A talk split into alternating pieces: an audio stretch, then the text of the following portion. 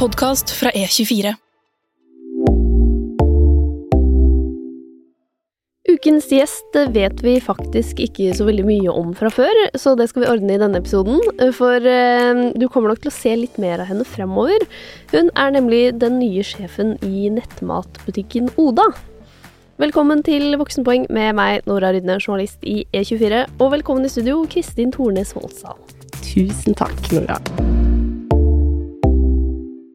Er du klar for å bli introdusert først med tre kjappe voksenpoengspørsmål? Yes, kjør på. Hva er det beste du har gjort for karrieren, Kristin?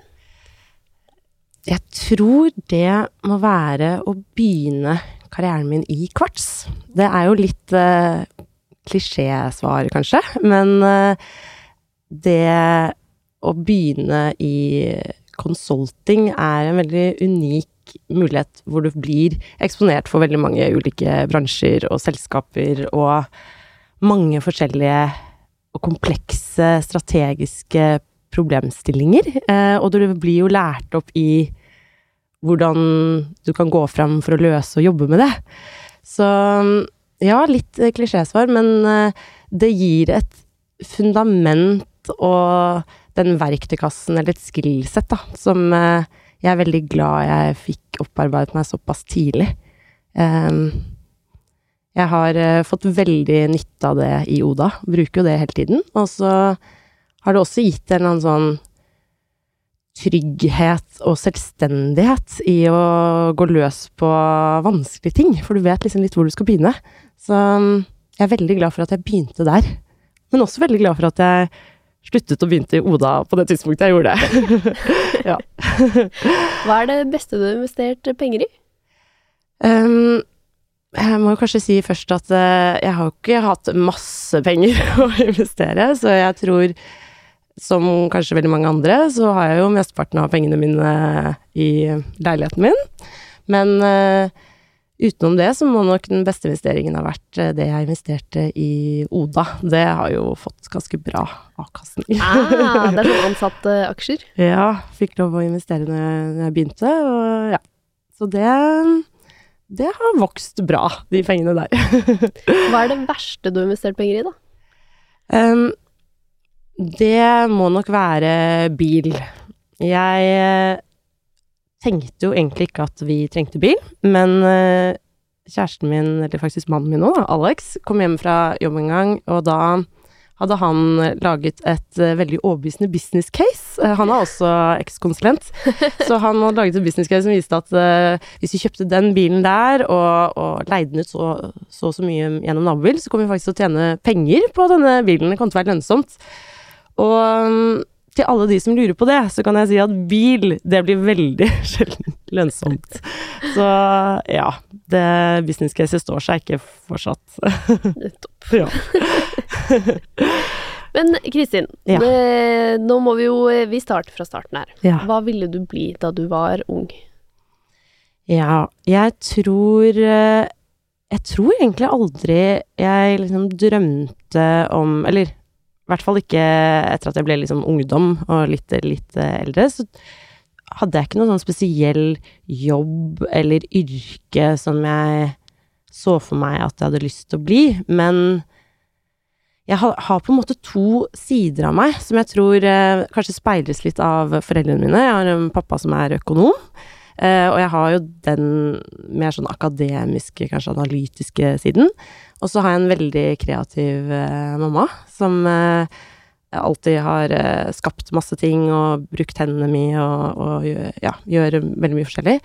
Um, og den siden har jeg også veldig, så jeg tror jeg sto litt på en måte og vurderte litt i hvilke av de to retningene jeg skulle gå på et tidspunkt. Okay. Ja. Så du har en hemmelig kunstner i magen?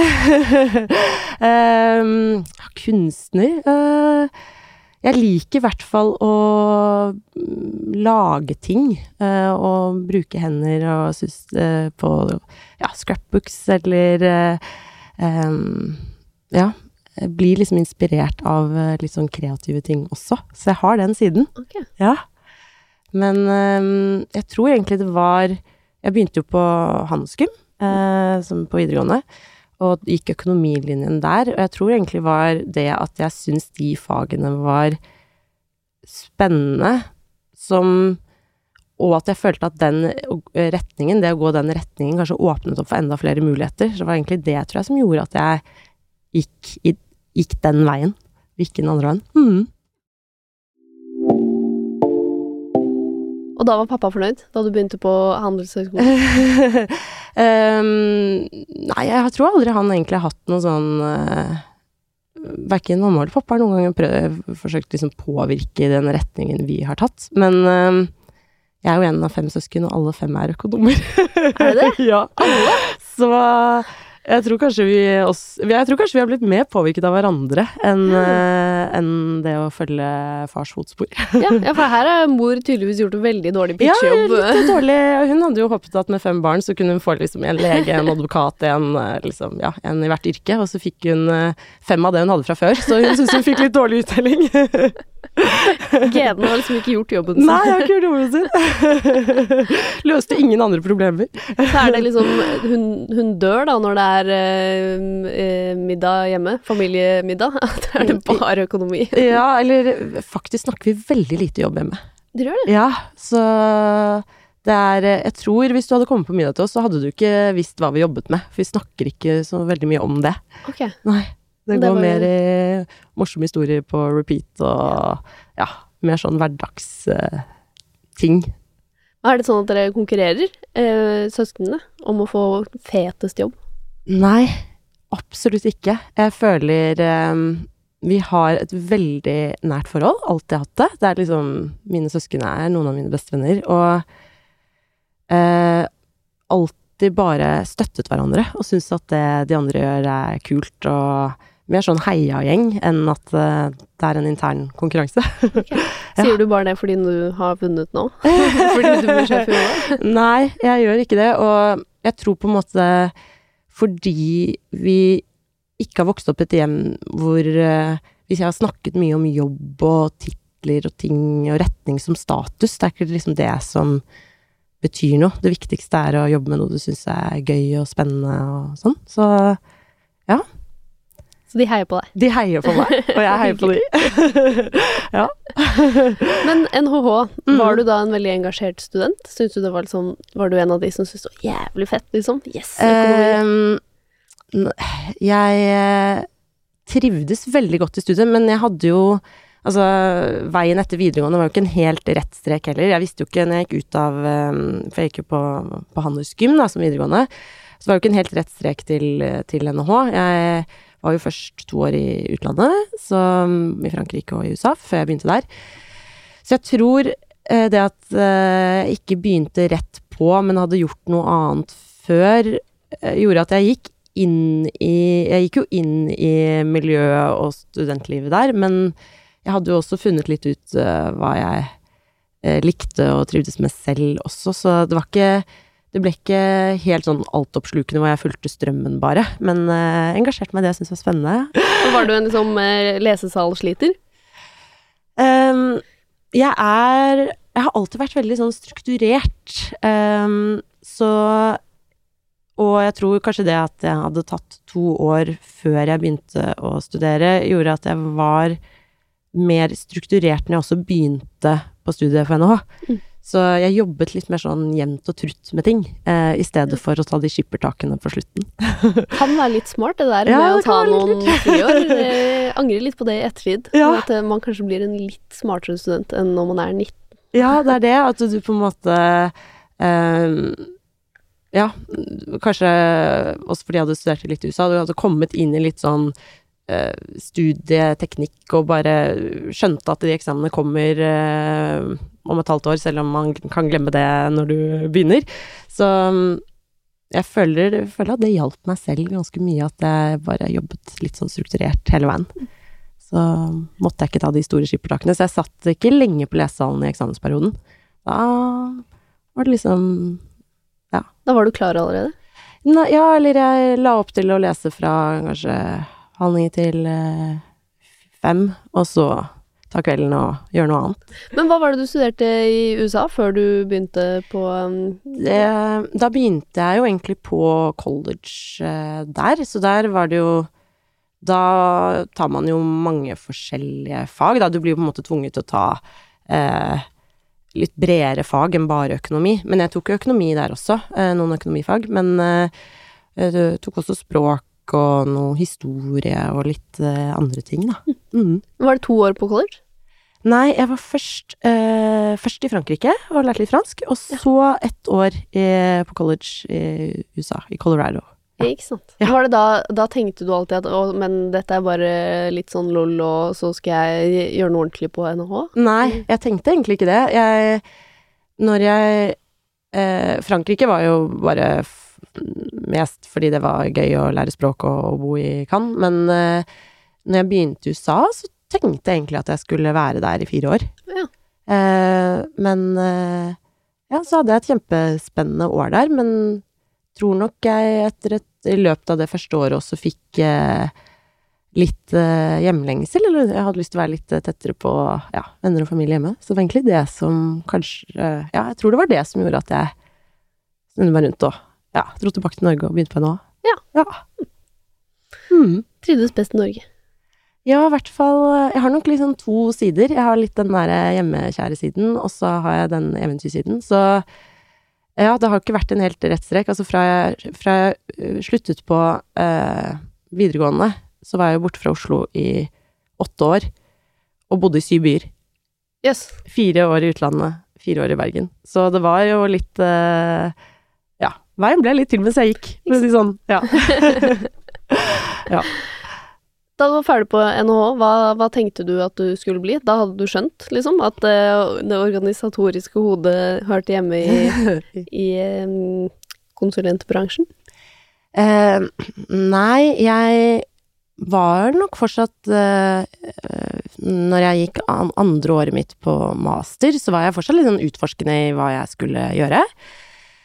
Uh, vurderte jo da management consulting som én vei å gå, men det var egentlig fordi jeg møtte noen som jobbet i Kvarts, uh, og ble kjent med For de var på bedriftspresentasjon på NHO, så ble jeg kjent med de, uh, og syntes at det var sykt fine folk. og ble kjent med Kvarts som selskap, som var egentlig litt sånn utfordreren til de etablerte amerikanske McKinsey og BCG og sånn. Um, så den kombinasjonen at jeg følte at det var veldig fine folk med litt nordiske verdier, litt mer work-life balance-fokus, uh, og den utfordrerposisjonen som Kvarts hadde, da, syns jeg var veldig kult. Så det var nok det i kombinasjon med at uh, consulting uh, er en fin vei for å ja fortsette å lære å utvikle seg og, og åpne kanskje enda flere muligheter, da. Så det var, det var, mer det, at jeg ble trukket i kvarts spesifikt. Ja. Jeg søkte ikke på de eh, andre, hos de andre selskapene, men søkte hos Kvarts og fikk internship der. Var der en sommer og fikk tilbud om jobb, og da var det bare sånn Yes, her vil jeg bli. Da var det kjørt. yes. Så ble jeg solgt, rett og slett, ja, etter en sommer. Og da flytta du til København? Ja, da ja. begynte jeg i København. Så det, hovedkontoret var der. Så jeg jobbet der første året mitt, da. Mm. Og var det sånn at de hadde en work-life balance, eller var det løgn? um, ja, det de ha, Det var mer work-life balance enn de det var, det var, nok mer enn hos de amerikanske selskapene. Når jeg snakket med venner som var i McKinsey og BCG og sånn, så opplevde jeg at vi, vi, jobbet mindre hos oss, og jobbet jo aldri helg og sånn, men det var jo eh, lange dager mandag til torsdag ja. fortsatt. Men når det var korte dager på fredager og, og fri i helgene, så var det liksom eh, Gikk det fint. Jeg visste jo det, på en måte. Mm. Så det Ja. Ja, hvis fredag til og med også ikke var eh, 16 timer, så Nei, da var vi ferdig fire, og mm. eh, kontoret i København lå jo over eh, Nørrebro brygghus, så da klokken fire tasset vi ned der og begynte helgen. så ja, så jeg syns Man jobbet jo mer enn åtte til fire, men eh, det gjorde meg ingenting. Jeg elsket å jobbe i Kvarts. Syns det var veldig gøy. Hva var, det, hva var det du likte da, med å holde på med, med det her? Vi var jo, har jo vært inne på liksom at man lærer seg verktøy og Ja, sånne ting, men ja. hva, hva syns du var morsomst? Nei, jeg tror um, Det var jo masse unge mennesker som jobbet der, som elsket å jobbe der. Uh, og hadde masse eh, drive og passion og energi og var sykt flinke. Så jeg tror det å jobbe i et sånt miljø, det Det å jobbe blir veldig gøy når du har det gøy med kollegaene dine. Så mm, det var en del av det, var jo liksom miljøet rundt. Um, og så var det jo gøy å jobbe med Det var, det var veldig forskjellig hverdag hele tiden, da. Du, du, nye prosjekter, uh, nye team. Uh, skulle, ble alltid kastet ut i ting du uh, En bransje du ikke visste noe om, et selskap du ikke kjente så godt til, og skulle Og med et nytt team i Kvarts, da, skulle liksom eh, ja, hive seg løs på en ny problemstilling. Det var veldig sånn eh, Litt action, på en måte. ja, mye som skjedde, og så det var eh, Ja. Ikke sånn eh, Dagene gikk liksom ikke i ett med like, like oppgaver hele tiden. Det var veldig forskjellig.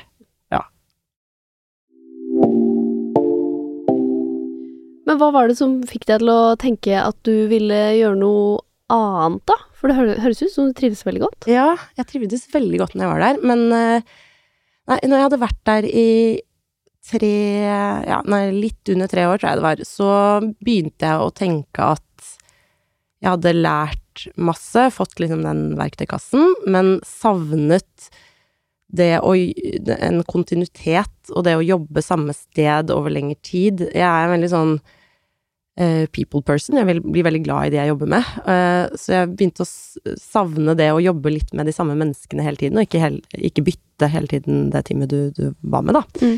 Um, og hadde lyst til å jobbe med å ta løsningene ut i livet også, ikke bare komme opp med et løsningsforslag som noen andre skulle ta videre, men ha eierskap til å ta det ut og få det til å fungere i praksis, da, og følge liksom et selskap over tid. Så det Jeg hadde begynt da å tenke på at jeg kanskje hadde lyst til å gå ut av consulting, og så var det litt tilfeldig at jeg tok kontakt med en venninne som hadde gjort litt den samme reisen som meg. Hun hadde jobbet i BCG, og så hadde hun begynt i Oda, eller Kolonial, som det het da. Eh, og så tok jeg kontakt med henne egentlig bare for å høre hvordan den overgangen hadde vært, og hvordan hun trivdes i den bransjen og det selskapet og sånn, men hadde ikke egentlig da peilet meg ut at det var liksom Oda jeg skulle søke i, men var mer sånn utforskende. Og så var det litt tilfeldig at det var utlyst en stilling som eh, strategi- og forretningsutvikler, som jeg tror søknadsfristen gikk ut samme dag som jeg snakket med henne. Ja. Og vi endte opp med å snakke sammen om det i to timer, og så var jeg bare sånn Det her er, virker jo bare som et fantastisk selskap. Her må jeg bare kaste meg rundt og søke. Så da gjorde jeg det. yes. Så det var litt uh, Timingen var nok, ja eh, var litt tilfeldig at uh, timingen var sånn, og at det eh, da gikk så fort til at jeg begynte der. Ja. Men jeg hadde jo fulgt med på eh, da Kolonial en stund, da. Syns jo det var et veldig spennende selskap. Hadde jo mye av de elementene som jeg syntes var kult med Kartso, med den utfordrerposisjonen og som jeg hadde skjønt, et veldig godt miljø, masse unge folk som elsket det de, det de jobbet med. Så ja. Så jeg syns jo det var et spennende selskap. Mm. Og det ble, du ble ansatt. Jeg ble ansatt. Yes. Du må bli god til å skrive en god søknad raskt. Eh, Hvis det var samme dag. Ja, det var samme dag. Eh, ja, jeg hadde jo nok eh, reflektert mye over hva jeg så etter hvis jeg skulle ut av consulting, Mm. og at eh, Oda passet tikket av på alt det som skulle eh, trekke meg ut derfra, på en måte. Så det var veldig Det var nok gjennomtenkt fra før, og da er det jo lettere å sette seg ned og skrive hvorfor du syns det er spennende, og hvorfor du har lyst til å begynne akkurat der, da. Mm. Mm. Hvem var det som intervjua deg? Var, det, var Carl på intervjuet, eller var det Nei, andre? han var faktisk hjemme i pappaperm da, så jeg fikk faktisk ikke møtt han før jeg begynte, men uh, var på intervju hos han som ble min sjef da, da, Vegard Vik, som var, eh, er eh, CFO i Oda. Mm. Mm. Og som var sjefen min da i, i tre år i Oda. Mm. Og begynte altså som forretningsutvikler. Strategi og forretningsutvikler. Hva gjør man egentlig som strategi- og forretningsutvikler? Ja, veldig godt spørsmål. um, når jeg begynte i den rollen, så var det jo Var strategiteamet bare meg. Det var bare én person. Så det jeg jobbet med Altså den røde tråden i det jeg jobbet med, det var jo å holde i strategiprosessen som vi hadde hver høst. Eh, som ble på en måte eh, Det var en strategiprosess som vi hadde på høsten, som jobbet tett med både ledelsen og styret i å sette retningen for hvor Oda skulle som selskap eh, de neste årene, eller, og det neste året, da. Så det var egentlig å lede og liksom koordinere det arbeidet med å komme frem til selskapsstrategi. Det var liksom den røde tråden. Og så var jeg prosjektleder for ulike prosjekter, men uh, fellesnevneren var vel at det var ofte kryssfunksjonelle prosjekter som var viktig strategisk for selskapet å få til, og da ble jeg på en måte satt inn som en prosjektleder for det, da. Så jeg har jobbet uh, I løpet av de tre årene så jobbet jeg jo på tvers av hele selskapet med alle funksjoner, tror jeg. Så ja. Fikk prøvd litt av hvert? Fikk prøvd litt av hvert, og ble kjent med veldig mange. Ja. Vi har jo en uh, spalte i podkasten, Tabbespalten. Ja. Hva er den største tabben du har gjort i karrieren, Kristin? Ja, den der måtte jeg tenke litt på. Uh, jeg tror ikke jeg har en sånn Jeg har ikke én tabbe som utpeker seg som eh, som utpeker seg veldig, eller som ga noen store negative konsekvenser for noen andre enn meg selv. Men eh, jeg kom på en ting, eh, jeg, en, en, tabbe kanskje, hvor jeg på jobb-CV-en min i Kvarts hadde skrevet at jeg kunne fransk. Å oh, nei. Å oh, nei. Og jeg hadde jo bodd litt i Frankrike og også litt i Sveits. Eh, kunne jo litt fransk, men det er litt forskjell å bestille croissant på en kafé og det å jobbe på et språk. Så, men det at jeg hadde skrevet det, gjorde at jeg endte opp på et prosjekt i Frankrike med Det var meg og en prosjektleder som ikke kunne noe fransk. Eh, det var for øvrig et ganske sånn morsomt prosjekt. Et veldig nisjeprosjekt for Europas største juletreprodusent. Oh, ja. Okay. Så det var, det var litt gøy. Men eh, det prosjektet gikk jo da ut på å gjøre veldig mange intervjuer på fransk. Og jeg var jo den eneste av oss to som snakket fransk. Eh, og var lagt opp til en ganske sånn eh, tett program hvor vi skulle innom mange ulike franske byer i løpet av en dag, og jeg skulle intervjue ganske mange mennesker. Og så skjønte jeg ganske fort at uh, her får jeg jo ikke tid til å stille alle de oppfølgingsspørsmålene jeg trenger, eller uh, søke opp i Google Translate når jeg ikke forstår ting. Så da begynte jeg å ta opp de intervjuene jeg gjorde, og så når vi kom uh, tilbake på hotellet på kvelden, ofte sånn ganske sent, sånn i titiden, da satt jeg der og hørte på intervjuene igjen, og googlet opp hva de ulike tingene uh, Ulike ord jeg ikke hadde forstått uh, betydde, sånn at jeg kunne oversette det på engelsk og sende det over til min prosjektleder. Så det var uh, Det var litt sånn Ble litt lang, lange dager, da. Men ja. Fake it till you make it. Jeg, jeg tror ikke han skjønte at franskkunnskapene mine var på et litt lavere nivå enn han, han. Du ble faktisk ikke avslørt? Jeg ble ikke avslørt, nei. Ja. Men det krevde ganske mye tid, da, på ja, først oversette ting, og så liksom begynne å dokumentere det. Ja.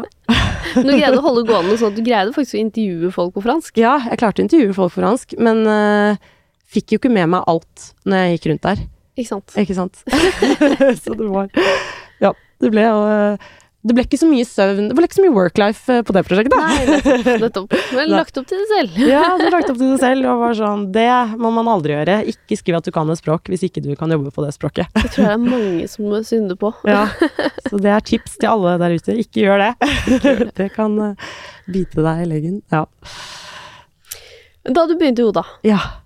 tenkte du da Nå går jeg inn her som forretningsutvikler, men jeg skal egentlig bli sjef. Nei, det tenkte jeg ikke. Jeg tror jeg er Jeg er nok veldig sånn i nuet. Jeg jobber så godt jeg kan der jeg er, og jeg syns det var kjempegøy å sitte i strategitime.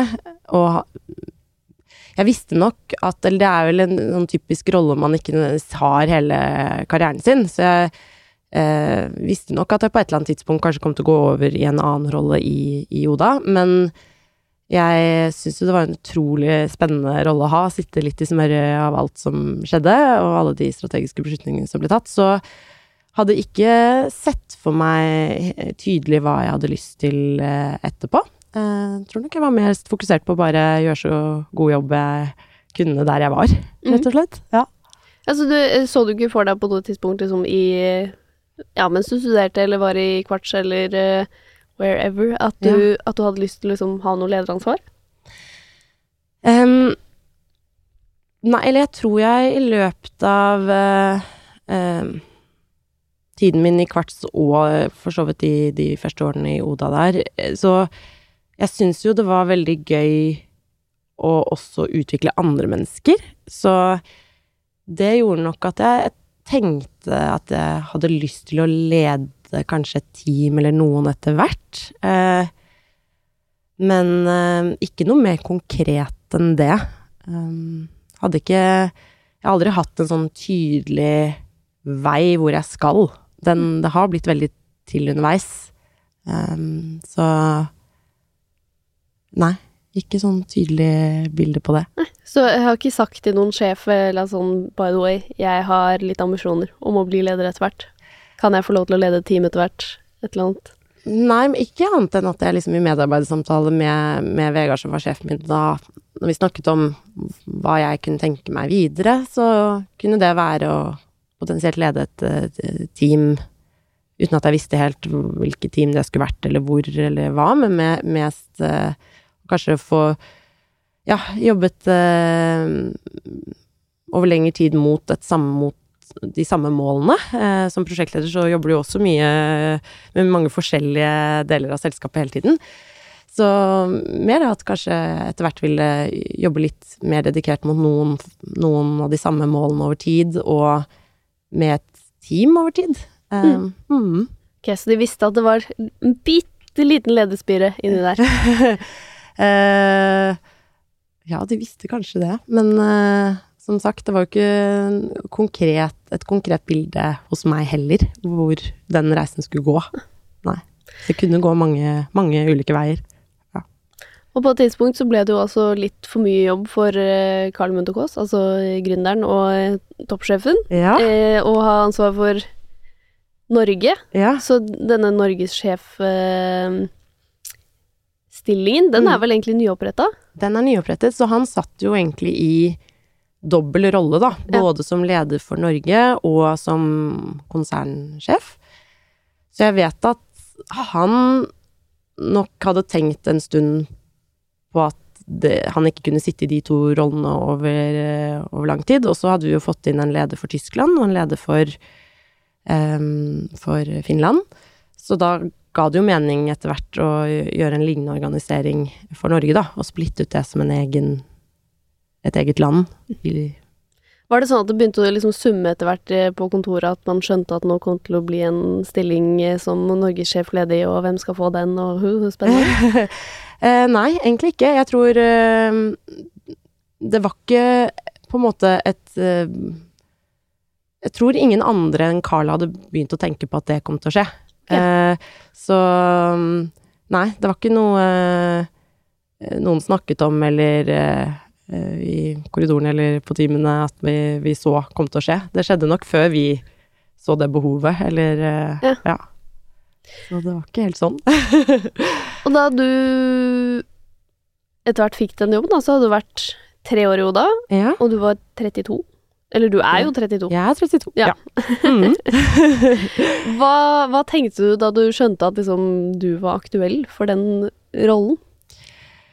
Ehm, nei, ja, det var jo Carl ringte meg jo en dag, da, og sa at han hadde tenkt litt på det, at den rollen skulle splittes ut, og at han eh, syntes at jeg var en veldig god kandidat for den rollen. Um, da jeg, ble jeg ganske overrasket uh, først. Um, det var jo ikke noe jeg hadde tenkt noe på, men jeg, synes, jeg ble jo også veldig glad. Jeg syns jo det var utrolig spennende, da. Eh, og kjenner jo selskapet veldig godt. Har jo jobbet veldig tett med hele ledelsen og ja, mange av, de, eh, mange av de ulike funksjonene og mennesker i, på tvers av hele selskapet. Så eh, jeg syns jo også det var en skikkelig spennende mulighet, da.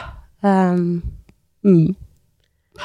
Men var det sånn eh, ringte han og sa det, du er en god kandidat, det blir deg, eller var det en lang prosess der med at du måtte danke ut noen andre? Ehm, ja, jeg, eh, det var han, eh, han ringte vel og sa at han syntes at jeg eh, hadde passet veldig godt til den rollen. Og så gikk det jo litt tid hvor vi snakket med litt ulike nøkkelroller i selskapet, og var på en måte en prosess sånn sett. Men ja, fikk Ble besluttet at jeg skulle inn i den rollen før sommeren, da. Så ja. Mm, som følge av den, de samtalene jeg hadde da. Mm. Du er en veldig ung toppsjef. Var det sånn, Syns du det var skummelt? Å gå rett fra liksom ikke-lederansvar til hele lederansvaret? um, det er jo mm, Deler av rollen er jo veldig kjent. Eh, jeg har jo jobbet mye med strategi før, så det å eh, holde i strategiprosessen og være på en måte eier for å få fram en strategi for Norge-delen av virksomheten, de tingene der er jo ganske kjent. Eh, og så har jeg jo jobbet med å lede ulike initiativer og følge opp ulike kopier, så dette er jo mye av det samme, det er bare andre på en måte kopier og, og mål man følger med på. Så deler av rollen var jo veldig var jo kjent, og så er det jo mange ting med rollen som er, eh, er uvant og litt ukjent. Det å være synlig eksternt, for eksempel, er jo litt skummelt også. Eh, men eh, eh, jeg tror så ja, så svaret er vel at det er jo deler av det som Deler av rollen som er nytt, og, og som jeg må lære meg. Men Oda føles veldig trygt selskap å prøve seg i en ny rolle. Det er eh, eh, mange unge og flinke folk som får muligheten til å prøve seg i roller de aldri har hatt før. Det er litt sånn DNA-et vårt, da. Um, så det føles, føles ut som jeg har Jeg skal jo ikke gjøre dette alene. Jeg har veldig mange flinke folk rundt meg, og for eh, Carl er jo tett på, og jeg føler meg også veldig trygg i å navigere i også det som er ukjent, da. Mm. Og da blir det ikke så skummelt. Nei. Så det var litt sånn overrasket, og så Ja, det var dette fikser jeg. Ja, det, det gjorde på en måte sånn, vet du hva, det, i den konteksten her og i det selskapet med disse menneskene, så har jeg skikkelig lyst til å prøve det. Det er jo vanskelig å gjøre research på deg, Ja. for du er litt ubeskrevet blad, så jeg måtte jo ringe Carl eh, for å høre Ja. hva, hva han så i deg. Ja. Eh, og da fikk du veldig, veldig mye ros. Eh, så da skal jeg stille deg det utrolig ubehagelige spørsmålet. Hva var det som gjorde deg til en så god kandidat? For det virker som det var ikke bare Carl som var veldig fornøyd med dette valget. Alle i Oda var happy med det. Ja, det er jo eh, Ja, det er et vanskelig spørsmål å svare på sånn selv, men uh, um, Jeg blir jo ofte fortalt at jeg har en veldig smittende positiv energi. Så Ja. det tror jeg er en litt sånn styrke, kanskje, som jeg har. Um, å ha, at jeg har en innebygd positivitet som, som smitter og som engasjerer andre, det er jo på en måte en litt sånn viktig ting som leder. Um, jeg er jo også veldig sosial, to, nummer to i rekken av fem søsken, som jeg sa, og er veldig glad i folk og blir eh, eh, Er glad i å bli kjent med folk og bli veldig lett glad i folk. Det tror jeg jo også er en veldig fin egenskap å ha inn i en sånn rolle. Og så tror jeg kanskje det De sidene der i kombinasjon med at jeg er ganske sånn målfokusert og strukturert, eh, og er veldig glad i å samle mennesker rundt et mål eh, og jobbe mot det sammen. Eh, og, og komme frem til løsningene sammen. Det syns jeg er utrolig gøy. Eh, og det er nok litt sånne type ledere vi ønsker å ha i Oda også. Eh, de litt samlende lederne, da. Mm. Så mm, Svarte det på spørsmålet ditt? Ja, Jeg syns det var ganske bra. Ja. Da skal vi stille et mye lettere spørsmål, eh, som Ja. er lettere å svare på selv. Hva er de svake sidene dine? Ja. Eh, man har jo selvfølgelig mange av de òg, men eh, jeg tror Eller de tingene jeg De sidene jeg er veldig bevisst på komplementerer meg, da. Det er Jeg er eh, Har jo kanskje en styrke da i å være strukturert og eh, legge opp eh, det vi, et arbeid inn, inn, i en angripelig på en måte struktur, og sette en ramme rundt det, sånn at man kan angripe det sammen, så eh, setter jeg veldig pris på å jobbe med folk som er enda mer kreative enn meg, og tenker utenfor boksen og kommer på en måte med de løsningene som ligger på en måte utenfor de rammene jeg har satt, da. Ja. Eh, så det er noe jeg har tenkt på at jeg syns er veldig gøy, når jeg på en måte kommer med med en struktur og noen rammer for å diskutere ulike løsninger, og så ligger det mange løsninger også liksom utenfor de rammene. Det syns jeg er veldig kult. Uh, og så er jeg nok uh, en person som uh, kanskje er god på å se liksom de større linjene og helheten, og hvordan de ulike problemene vi prøver å løse, eller de ulike arbeidene, passer sammen i den helheten. men da er det jo veldig bra også å jobbe med folk som er mer sånn detaljorientert og nøye enn meg. Ja. ja okay. For det trenger man jo også når man skal på en måte komme frem til eh, løsninger. Så det å være sånn detaljorientert og veldig nøye, det er ikke min styrke. Og det er jeg veldig glad jeg har også rundt meg, da. ja. Hvordan blir det du, når du er glad i folk og positiv og sånn? Ja. Eh, gruer du deg til å måtte være streng? Um,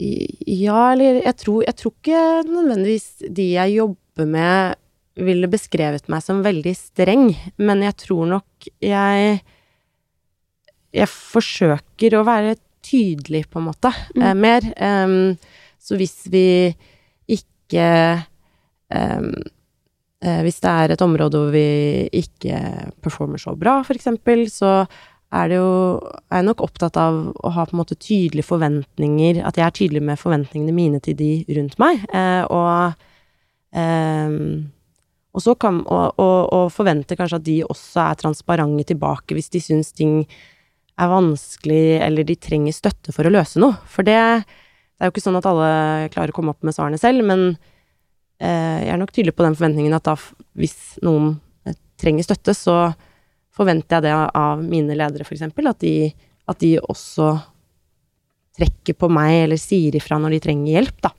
Um, og så, sånn at vi kan samle de riktige menneskene rundt, eh, rundt folk for å løse det. Så ja, jeg er nok mer sånn tydelig enn streng, tror jeg. Ja, men du er litt komfortabel med det, faktisk? Det er ikke sånn at du føler at det ødelegger ditt positive image? Uh, Nei, eller jeg, For jeg syns jo egentlig Jeg tror det er noe alle ønsker, da. Det at det er tydelig hva som forventes, og, og hva vi jobber mot, og um, Ja. Det, det, er ikke nødvendigvis en, en ubehagelig samtale Nei. å snakke om det.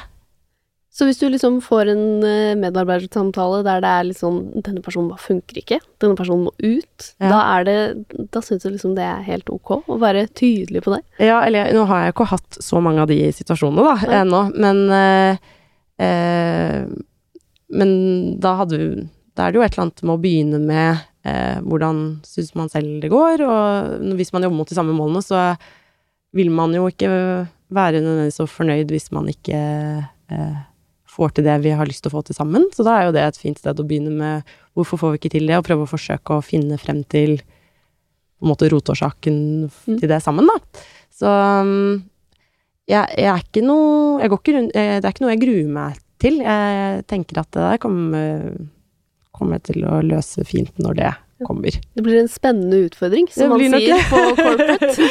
ja, det blir nok en spennende utfordring. Ja. Men hva tenker du skal være ditt preg på Oda, da?